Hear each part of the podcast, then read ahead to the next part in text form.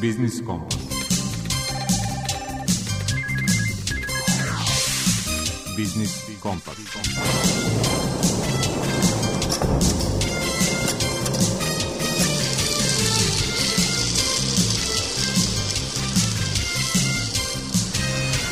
Pred mikrofonom je Đuro Vukelić. Dobar dan poštovani slušalci. Srećna nova godina i da bude profitabilnija i manje stresna što se tiče troškova života.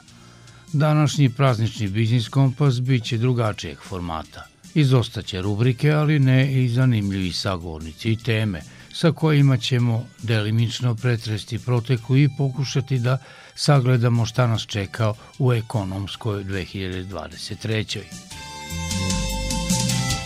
U prvom delu emisije čućete razgovor sa pokrajinskim sekretarom za privredu i turizam Nenadom Jovaniševićem o tome kako je vojođanska privreda prebrodila izuzetno izazovnu 2022. i šta će sekretarijat činiti da bi poslovni rezultat bio bolji. Naš sagovornik u današnjem biznis kompasu biće i specijalni savjetnik u Fiskalnom savjetu Srbije Slobodan Minić. Razgovarat ćemo o tome čemu nas je naučila ekonomska 2022. i šta će biti najveći izazovi u godini u koju smo tek zakoračili. Rast inflacije širom sveta i pokušaj centralnih banaka da je obuzdaju povećanjem referentnih kamatnih stopa, poskupeli su kredite i dužnici, pojedinci firme i države osjećaju sve veći pritisak. A kako sve izgleda iz ugla poslovnih banaka čućete u razgovoru sa generalnim sekretarom Udruženja banaka Srbije Vladimirom Vasićem. I pre najavljenih razgovora kraća muzička pauza.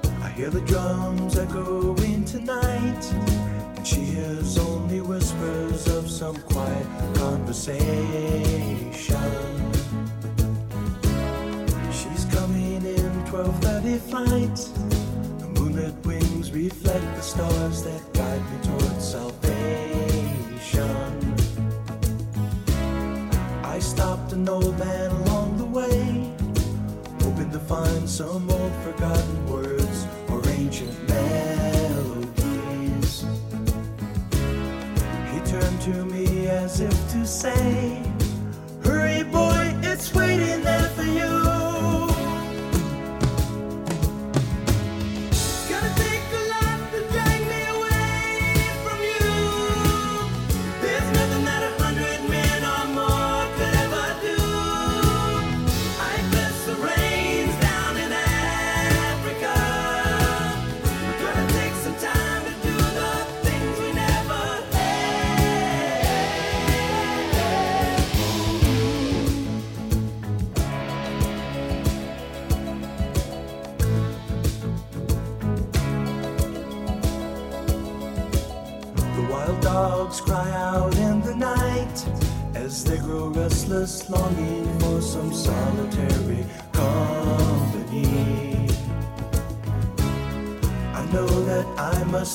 what's right. Sure as Kilimanjaro rises like Olympus above the Serengeti. I seek to cure what's deep inside, frightened of this thing that I've become.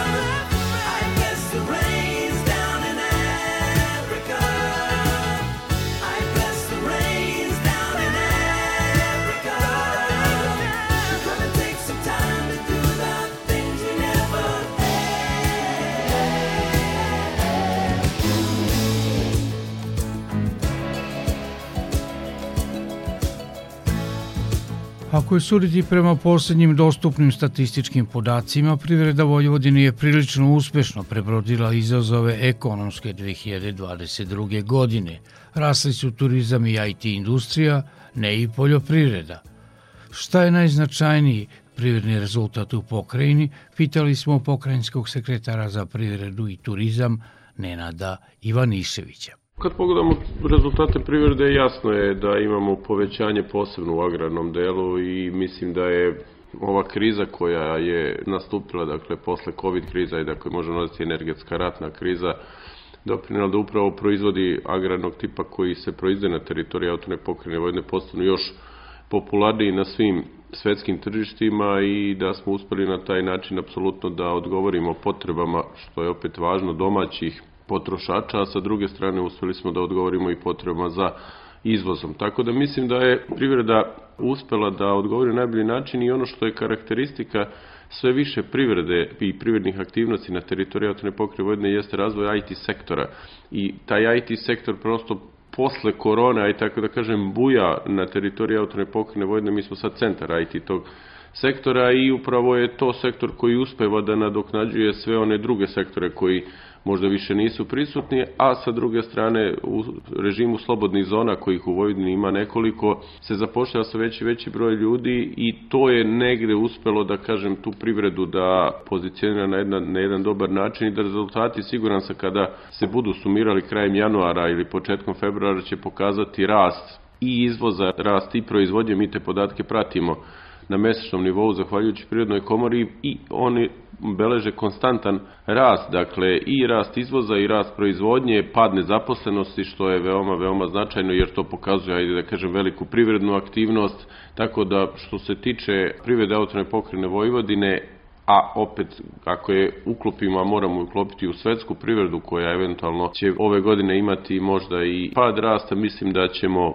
mi završiti ovu godinu sa pozitivnim pokazateljima. Naša pokrenje 2022. godini privukla stotine miliona evra stranih direktnih investicija. Kakva je njihova uloga u rezultatima koje postiže privreda Vojvodine? Tu moram da kažem da pre svega sigurno političko okruženje doprinosi dolazku stranih investicija. Strani investitori nikad neće ulagati u zemlju koja je politički i ekonomski nestabilna i to je svakako rezultat sinergije zajedničkog rada Republičke i pokrinjske vlade. Ostvaren je jedan siguran okvir ljudi da znaju da mogu da ulažu, znaju da je investicija sigurna, znaju da će imati pomoć države u, u svakom pogledu, dakle da ih neće niko ni reketirati, da neće imati problem sa infrastrukturom, da neće imati problem sa dokumentacijom i to je svakako uspeh Republičke i pokrinjske vlade, jer ne bi Toyo Tires, ne bi Japanci otvarali pogone u Inđiji, ne bi Japan Tabako pravio nove pogone u Senti, ne bi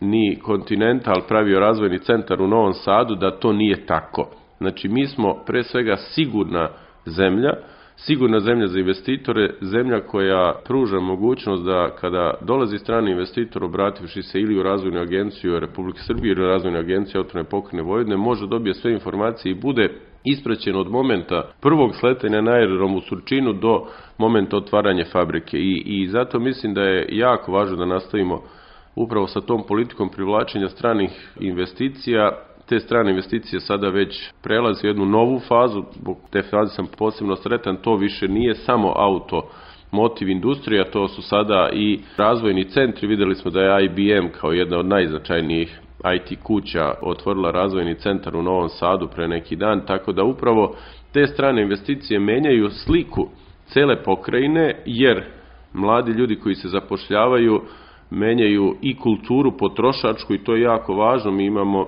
podatke sa svih fakulteta koji se bave obrazovanjem tehničke prirode, posebno sa fakulteta tehničkih nauka, dakle da, da naša deca nemaju nikakav razlog da odlaze iz Srbije nego da već na trećoj godini fakulteta mogu da dogovaraju zaposlenje za plate koje su iste kao da žive u Londonu ili bilo gde, a ostaju kući, tako da i taj deo dolaska stranih kompanija posebno treba isticati, a to je da nam omogućavaju da nam deca ostanu ovde, ne moraju da idu nigde iz Srbije nego da mogu da se zaposle u svojoj struci. Činjenica je da mala i srednja preduzeća su sve vidljivija na privrednoj mapi Vojvodine. Koliko su tome doprineli posjecaj kroz javne pozive pokrenjskog sekretarijata za privredu i turizam? Pa mislim da su doprineli mnogo, S druge strane moram da istaknem svaku ulogu i razvojne agencije autonome pokrene Vojvodine i sekretarijata za međuregionalni razvoj, dakle gde zajedno pomažemo u nabavci opreme mikro i malim preduzećima, oni srednjim preduzećima, ali mislim da je to svako jako značajno, jer je važno da privrednici znaju da mogu da se obrate na više adresa. Isto tako, svako nikako ne treba zaboraviti ulogu garancijskog fonda i razvojnog fonda autonome pokrene Vojvodine koji na najpovoljniji mogući način daju posticaje privrednicima i mislim da je upravo budućnost našeg regiona koji nije veliki. Dakle, mi nismo velika zemlja gde možemo da pravimo velike fabrike i mislim da je e, ovde jedna ključna stvar koju ćemo mi pokrenuti u 2023. godini u, u sedam gradova autone pokrene Vojvodine razgovor sa privrednicima o digitalizaciji proizvodnje. Dakle, naši privrednici moraju da shvate da tržište svetsko neće nikoga čekati. Dakle, da je ono što je u ovom momentu možda njima interesantno danas, ali već sutra kad pogledamo šta se dešava u Indiji, kad pogledamo šta se dešava u Kini, u Americi, u, na tržištu Evropske unije, dakle, potpuna automatizacija i digitalizacija proizvodnje. I naša, naša ideja jeste da pokrenemo karavan o blockchain tehnologijama koje danas jesu nešto što moramo da primenimo. To sad više nije pitanje da li se nekom sviđa više Facebook ili Instagram. Mi sad govorimo o tome da mi moramo da potpuno digitalizujemo našu proizvodnju, potpuno vodimo računa o zaštiti životne sredine, jer vi da bi se nešto izvezlo u Evropsku uniju, vi morate imati sertifikat o tačnoj potrošnji CO2. Znači ne možemo aproksimativno da određujemo kakve ćemo mašine da kupujemo, na kom tržištu ćemo da ih kupujemo, da li su polovne, koliko godina su stare. Dakle, naša ideja jeste da što više idemo ka privredi, da im objašnjamo koliko je važno da se oni zajedno sa nama menjaju. Jer svaki dan kad se nismo promenili, išli smo nekoliko koraka unazad i to je jako važno. A opet kažem, eto bili smo, imali smo tu sreću da u 2022. godini budemo na svetskoj izložbi u Dubaju gde smo videli šta znače promene u privredi, da se pojavile neke druge zemlje, neke nove zemlje. Evo Indija će za nekoliko godina postati treća ekonomija sveta i to je urađeno za 40 godina, Kina je postala druga ili možda već i prva. Dakle, mi moramo da idemo u korak sa razvijenim svetom i mi ćemo se truditi da sekretarijat u stvari bude servis malim i srednjim preduzećima, naravno i velikim ukoliko žele, to je najmanji problem, ali i preduzetnicima da na adekvatan način prilagode svoju proizvodnju na taj način da mogu da ukoliko žele, da mogu da izvezu na tržište Evropske unije koje je za nas u ovom slučaju najvažnije.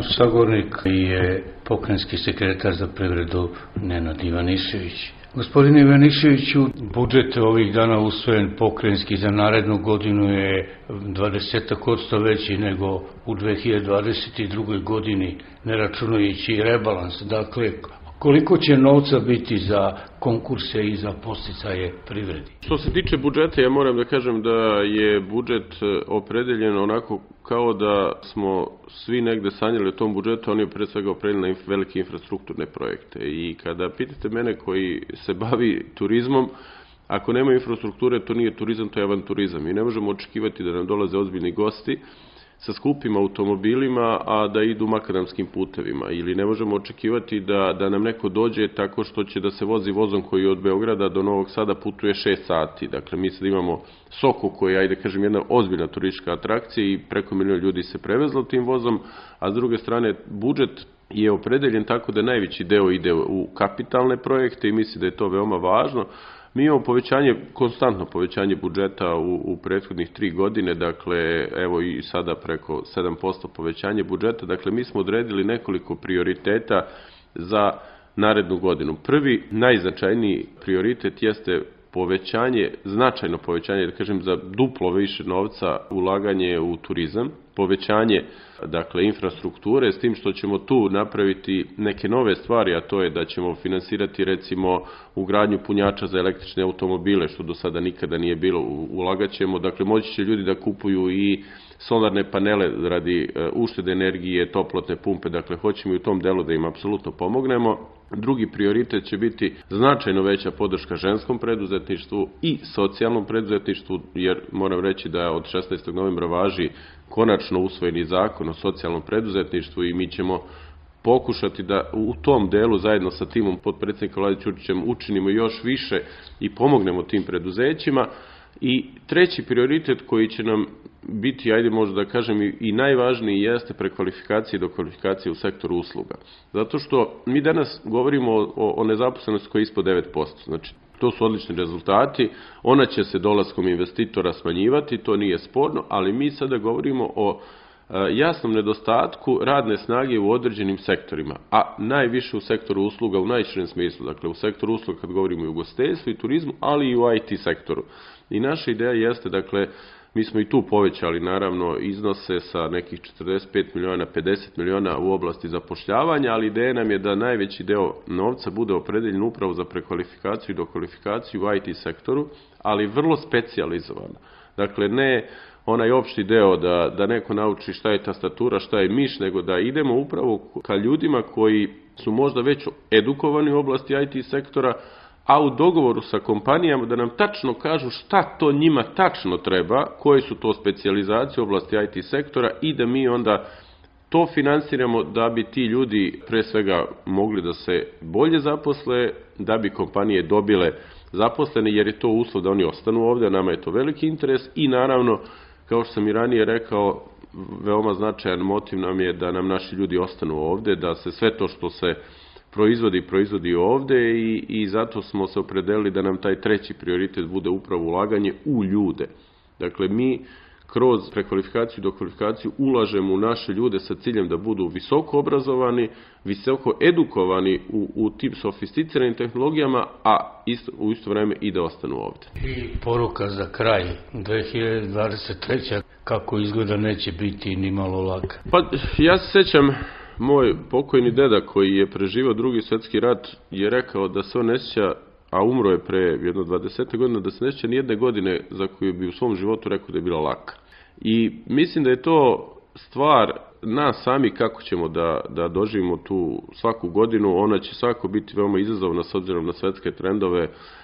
Meni je žao što, što rat koji je u Evropi trenutno najaktuelniji neće biti, a čini mi se da neće biti zaustavljen do kraja 2022. a pitanje šta će biti 2023. i to stvarno u energetskom sektoru unosi jedan, jednu dodatnu izazovnost, ali mislim da mi svi treba da se okrećemo e, i drugim i trećim tržištima, dakle i tržištima Afrike i tržištima Indije i da sarađujemo i sa Kinom i naravno da sarađujemo sa Evropskom unijom koja je nama veoma važna, A godina će biti tako kako će biti. Podsjetit ću vas da smo o ovome istome pričali i 2021. i 2022. kad smo mislili da korona nikad neće proći kada smo strahovali za goli život jer nismo znali ni protiv čega se borimo, pa je prošlo. Dakle, moja poruka uvek jeste sve bude i sve prođe. Hvala vam za razgovor. Hvala vam.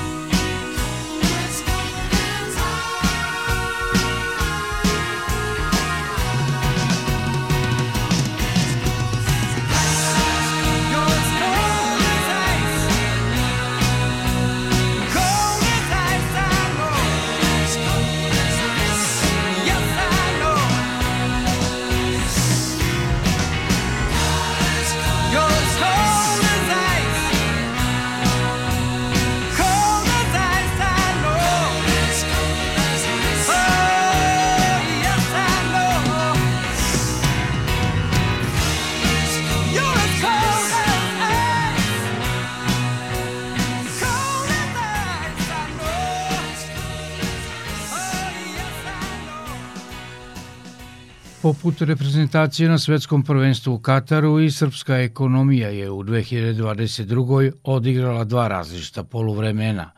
U prvom je kontrolisala igru i imala priželjkivan rezultat od 4,4 od 100 rasta. U drugom poluvremenu, odnosno polugodištu, ponestalo je snage i rezultat se opasno približio nuli. Specijalni savjetnik u Fiskalnom savjetu Srbije Slobodan Minić ima objašnjenje za takav preokret. Jedna od ključnih stvari koja se desila ove godine u makroekonomskom smislu jeste to usporavanje privredne aktivnosti gde smo prvu polovinu godine relativno dobro prošli, ali u drugoj polovini godine kreće da se osjećaju neke posledice krize koju imamo u domaćoj ekonomiji. Jedna od stvari koja objašnjava to naglo usporavanje jeste to što smo zapravo završio se onaj ekonomski oporavak posle pandemije koji je od nas počeo u 2021. i tu smo ostvarili onu visoku stopu rasta od 7,5%, između ostalog zato što je bio veliki pad u 2020. I na repu zapravo tog oporavka ta prva polovina godine je zapravo bila nešto bolja. Međutim, onda dolazimo do nekih objektivnih problema koji su sve vreme zapravo bili tu. Imamo probleme u energetskom sektoru, pad proizvodnje električne energije, imali smo sušu, lošiju poljoprivrednu proizvodnju, imamo situaciju da je inflacija vrlo visoka, to je drugi makroekonomski fenomen koji obeleži ovu godinu, što je uticalo na pad realnih dohodaka građana, doprinelo je do promene relativnih cena, što je uticalo na performanse privrede i sad imamo taj, da kažem, klizajući trend bruto domaćeg proizvoda, kao što ste rekli, pitanje je da li ćemo u poslednjem kvartalu uopšte imati pozitivnu stopu rasta, posle 1% u trećem, moguće je da će biti blisko nule, možda čak i ispod nule da završimo ovu godinu. To jeste neki trend koji se dešava i u Evropi, Ono što je interesantno jeste da ćemo mi sa tih 2,5% koliko očekujemo u ovoj godini verovatno imati loši rezultat u poređenju sa Evropom, a jedan od ključnih razloga je upravo ono što sam već pomenuo, taj oporavak od pandemije, gde smo mi ranije od drugih krenuli da otvaramo privredu, ranije počeo oporavak, pa smo prošle godine imali jedan od najvećih stopa rasta, a sad su drugi zapravo ušli u taj oporavak i ove godine beleže bolje rezultate od nas. Kada govorimo o inflaciji, to je posebno bolno pitanje za nas, imajući u vidu i ne tako davno iskustvo kad smo bili i svetski rekorderi. Koliko je država monetarnim merama uspevala da amortizuje uticaj spoljne krize na domaća ekonomska kretanja i koliko su zapravo te monetarne mere bile adekvatne težini situacije? Da, tačno. I kad ne gledamo tu epizodu hiperinflacije iz 90-ih, ovo što sad vidimo, to 15%, bit će to izgleda i malo preko toga, je najveća stopa inflacije u poslednjih 15-20 godina koju imamo u Srbiji. Ono što je neki opšti zaključak naših analiza koje smo sproveli monetarna politika u poslednje vreme se prilagođava novo nastaloj situaciji. Ono što je možda bila neka zamerka na početku, činilo se da kasnimo sa odgovorom. Narodna banka je tek od aprila krenula da povećava referentnu kamatnu stopu, da zaoštrava monetarne uslove. Druge zemlje su to mahom već bile krenule 5-6 meseci ranije, neke i pre toga. Kod nas je i dalje držala teza da je to uglavnom spoljni fenomen, da, da je privremeni fenomen, da će to samo od sebe da se reši, kao što vidimo nije se rešilo, inflacija cele ove godine ubrzavala. Nakon toga videli smo Narodna banka je svakog meseca povećavala tu stopu, zaoštravala, mislim da će morati još nekoliko meseci to da radi, tako da se sada približavamo nekom realnom stanju monetarne politike u skladu sa ovom situacijom, ali smo malo kasnili. S druge strane, fiskalna politika je mnogo tome pomogla da inflacija ne bude još veća kod nas. Tu pre svega mislim na zamrzavanje cene struje i gasa koje su povećane tek u julu. U drugim zemljama se to dešavalo praktično još krajem prošle godine. Sada su neke te cene povećane, bit će toga još ali definitivno kad probamo da odgovorimo na pitanje zašto je inflacija u Srbiji čak nešto manje nego u Evropi, u centralnoj istočnoj Evropi pre svega mislim, upravo su te cene energenata koje su kod nas držane pa praktično na veštački niskom nivou pomogle da inflacija bude manja, ali opet sa druge strane troškovi koje su opet svi građani platili su bili ogromni, tako da pitanje da li smo zapravo na taj način više pomogli ili odmogli domaćoj ekonomiji. U smislu da li je bilo isplativije da te cene budu realne i da država pomogne zaista samo onima koji su ugroženi, da li su to preduzeće ili građani, a da onda ostatak tog novca koje smo potrošili na subvencionisanje cene gasa iskoristimo recimo za neke investicije, na neki drugi način da podstaknemo privrednu aktivnost ili bi taj trošak recimo veće inflacije koja bi možda bila iznad 17-18% bili veći. Naše mišljenje je da je bilo bolje da se možda čak dozvoli da ukupna ta prosječna inflacija bude nešto veća, a da se ovaj novac iz budžeta iskoristi za bolje namene. Ono na što inflacija, visoka inflacija utiče, to je i raspoloženje investitora. Strane direktne investicije su još uvek veoma, veoma važan deo makroekonomske stabilnosti Srbije. Jeste, zapravo strane direktne investicije ove godine su i bile relativno visoke.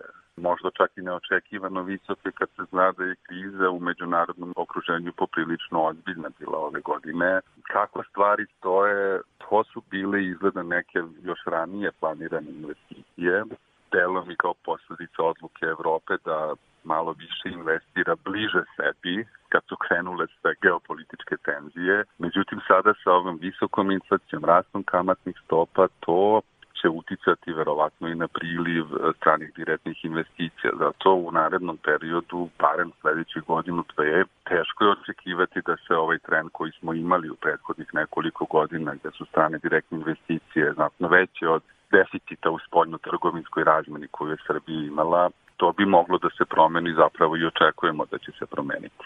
Utisak je da je u dubokoj esenciji globalne krize i sporavanja rasta u poslednjim mesecima i pod znakom pitanja projekcije rasta bruto domaćeg proizvoda u narodnoj godini od 2,5%. Podsjetit ću slušalce, tako su procenili i kreatori monetarne politike, a i međunarodne finansijske institucije. Šta će biti najveći izazovi za srpsku ekonomiju u 2023. godini? To je tačno. Vlada je pripremila budžet sa pretpostavkom da će sledeće godine razbiti isto 2,5% kao i ove. Međutim, postoji već nekoliko razloga zašto bi to moglo da bude nešto i manje. Kako mi procenjujemo bliže 2%. Prvo, u samu sledeću godinu mi ulazimo sa jako niskim rastom. Da li će biti nula, malo iznad ili malo ispod toga, to je nisko, zaista. Slično imamo i u međunarodnom okruženju. Recimo, kad se planirala ova stopa od 2,5% kod nas, u Evropi je takođe bilo planirano 2,5%, a prema poslednjoj projekciji to je zapravo blizu nula. To će uticati na tu spoljnu tražnju. Već smo pričali o visokim kamatnim stopama i njihov uticaj negativa na privredni rast. Inflacija će ostati visoka i sledeće godine, malte ne ista kao ova, samo će imati suprotno kretanje, veće u prvoj polovini godini, a onda eventualno usporavanje u drugoj. To utiče na realno obezređivanje dohodaka građana. Pitanje je da li ćemo uopšte imati realni rast dohodaka, iako se i u državi i u privatnom sektoru dešavaju nominalna povećanja zarada. Tako da, kad se sve uzme u obzir, rast bi mogao da bude sporije. Međutim, šta se dešava? Izgleda da i monetarna i fiskalna politika moraju ipak da budu restriktivnije. Monetarna zbog visoke inflacije, ako ne budemo i upadnemo u spiralu te visoke inflacije, naštetit ćemo privredi u dužem roku, a fiskalna pitanje je koliko imamo prostora. Naš javni dug je relativno visok, kamatne stope su ogromne sada po kojima se možemo zaduživati, neki veći deficit od ovih nešto preko 3% što se planira, znači bi veće zaduživanje i onda zaista možemo da dođemo u situaciju i da postavimo pitanje možemo li mi opet da upadnemo u neku krizu javnog duga kako smo imali pre 5-6 godina. Tako da obe poluge ekonomske politike, te glavne, moraju da budu suzdržane i zapravo da posmatraju samo usporavanje privredne aktivnosti u kratkom roku. Slobodane, hvala za razgovor. Hvala vama. Naš sagovornik bio je specijalni savjetnik u Fiskalnom savetu Srbije, Slobodan Minić.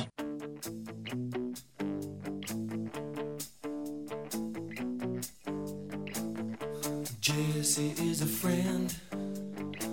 Yeah, I know he's been a good friend of mine.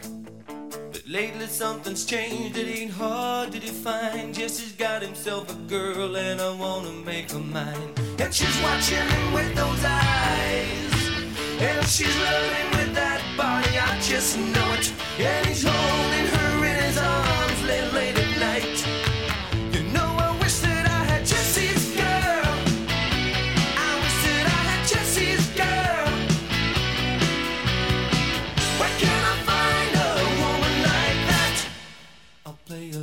with the charade. There doesn't seem to be a reason to change. You know, I feel so dirty when they start talking cute. I wanna tell her that I love her, but the point is probably moot. Cause she's watching him with those eyes. And she's loving him with that body, I just know it. And he's holding her in his arms late,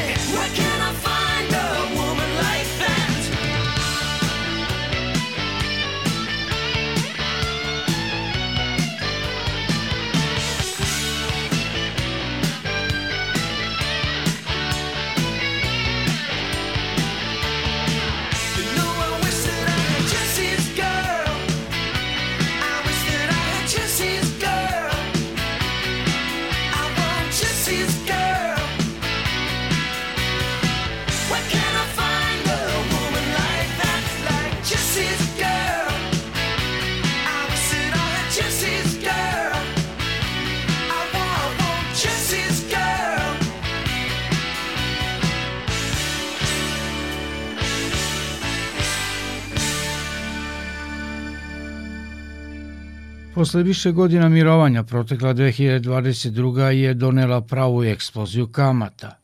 Pokušavajući da ubuzdaju inflaciju, centralne banke širom planete su se latile povećanja referentne kamatne stope. Za mnoge dužnike u Srbiji ključna stopa Euribor je sa pola procenta u minusu poskočila na više od 2,7 odsto u plusu – kako će se otežna isplata sve skupljih kredita odraziti na poslovnu politiku banaka, pitali smo generalnog sekretara Udruženja banaka Srbije, Vladimira Vasića. Što se tiče e, rasta Euribora, odnosno i referentni kamatna stopa centralnih banaka, to je nešto što je posledica inflacije koja postoji. Kad imate inflaciju, jedan od lekova da zaustavite jeste i podizanje referentne kamatne stope. Po toj stopi banke pozamljuju novac od centralnih banaka i taj novac plasiraju privredi i građanima. Čim vam je izvor finansiranja skuplji, onda se to preliva i na cenu kredita.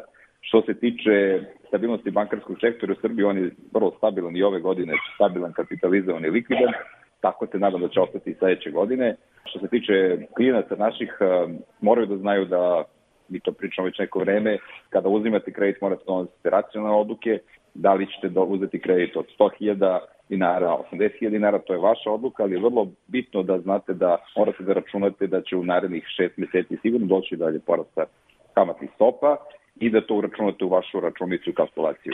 Za one koji imaju postojeće kredite i koji imaju variabilne kamatne stope, oni su već to videli da li imate šestomesečni Euribor, Euribor ili tromesečni, osjećate i to vidite u vašim mesečnim ratama da se pomeraju, odnosno par stotina eura, zavisnosti koji kredit imate, do nekoliko desetina evra i za sada ne vidimo, hajde kažemo, zastoj otplati obaveza, i nadam se da će tako i ostati, ali za one koji nemaju, odnosno zapravo koji osjećaju neki problem u mogućnosti otplate, oni imaju od nedavno odluku Narodno su zapravo svi imamo odluku Narodne banke Srbije, gde možete da produžite vaš e, kredit na 3 godine, do 3 godine gotovinski, potrošački ili slične kredite i stambene do 5 godina i na taj način da smanjite mesečnu ratu, da to bude neka olakšica.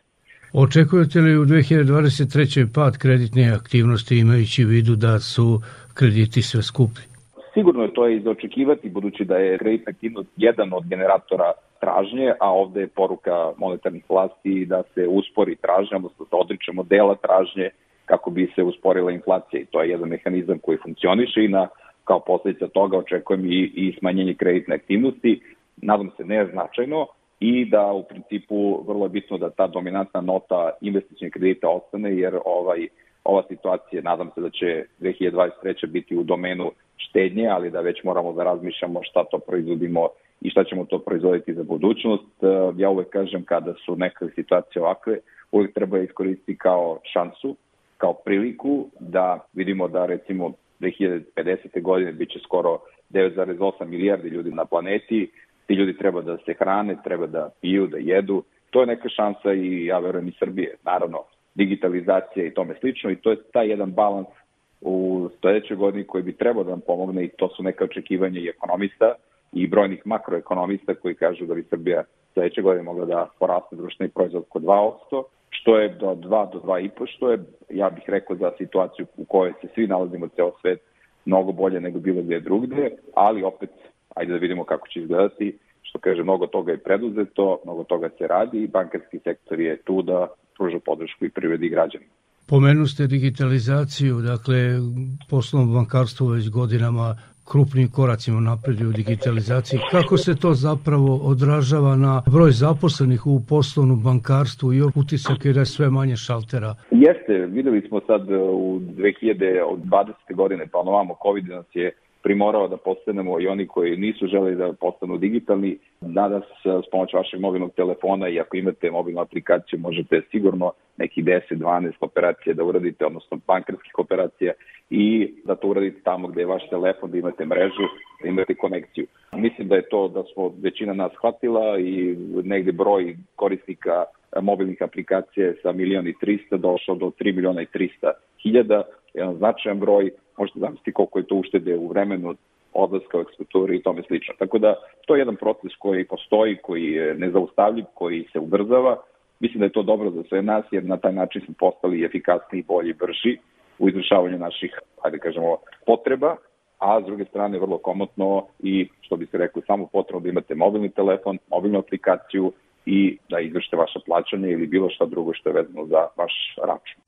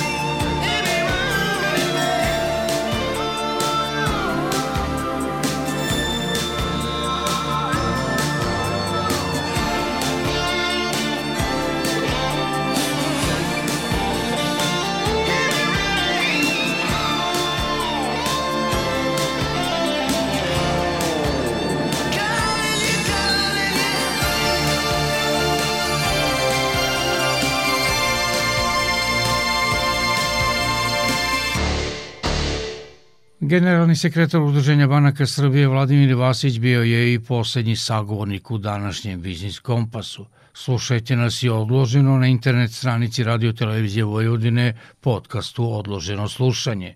Muzički urednik Zoran Gajinov, majstor Damjan Šaš i urednik emisije Đuro Vukelić žele vam ugodan nastavak ovog prazničnog popodneva. Zdravi bili i čuvajte se.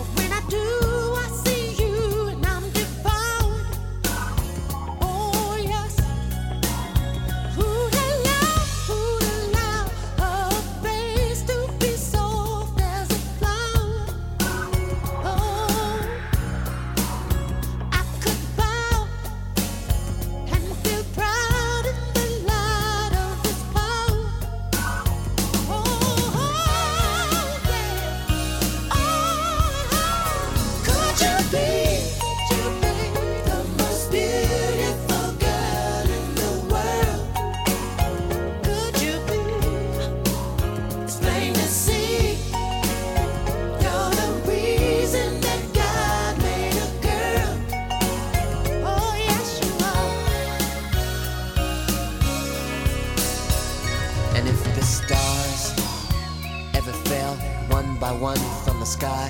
I know Mars could not be uh, too far behind. Cause baby, this kind of beauty, it's got no reason to ever be shy.